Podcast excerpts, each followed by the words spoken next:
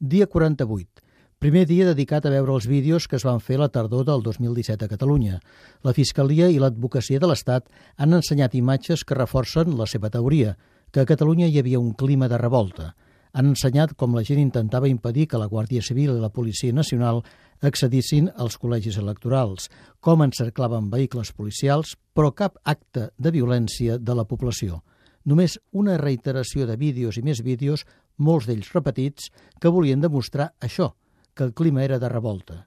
No hi ha cap dubte sobre aquestes intencions perquè quan l'advocada Bernaola ha fet aquesta queixa al tribunal... Sería importante que la Fiscalía intentara identificar por lo menos la fecha en la que se producen estas imágenes para no confundir 20 de septiembre salida de una sede de un partido político con 1 de octubre eh, centros escolares o de votación, etcétera. Por lo menos, aunque no sepa la ubicación, la fecha.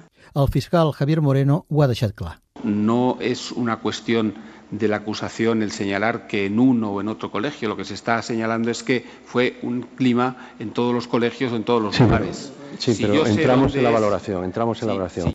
Però amb tant de vídeo també hi ha hagut temps de sentir Jordi Sánchez fent una crida precisament que no feia pensar en un clima revolucionari. Actitud no violenta. Ens volen provocar.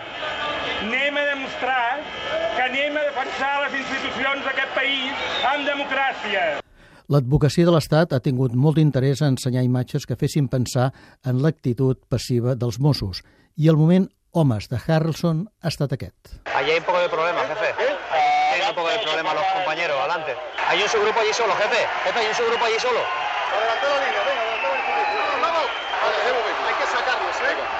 El tribunal que presideix Marchena ha comunicat que no hi haurà carament entre el tinent coronel Pérez de los Cobos i el comissari Ferran López, demanat per la defensa de Joaquim Forn.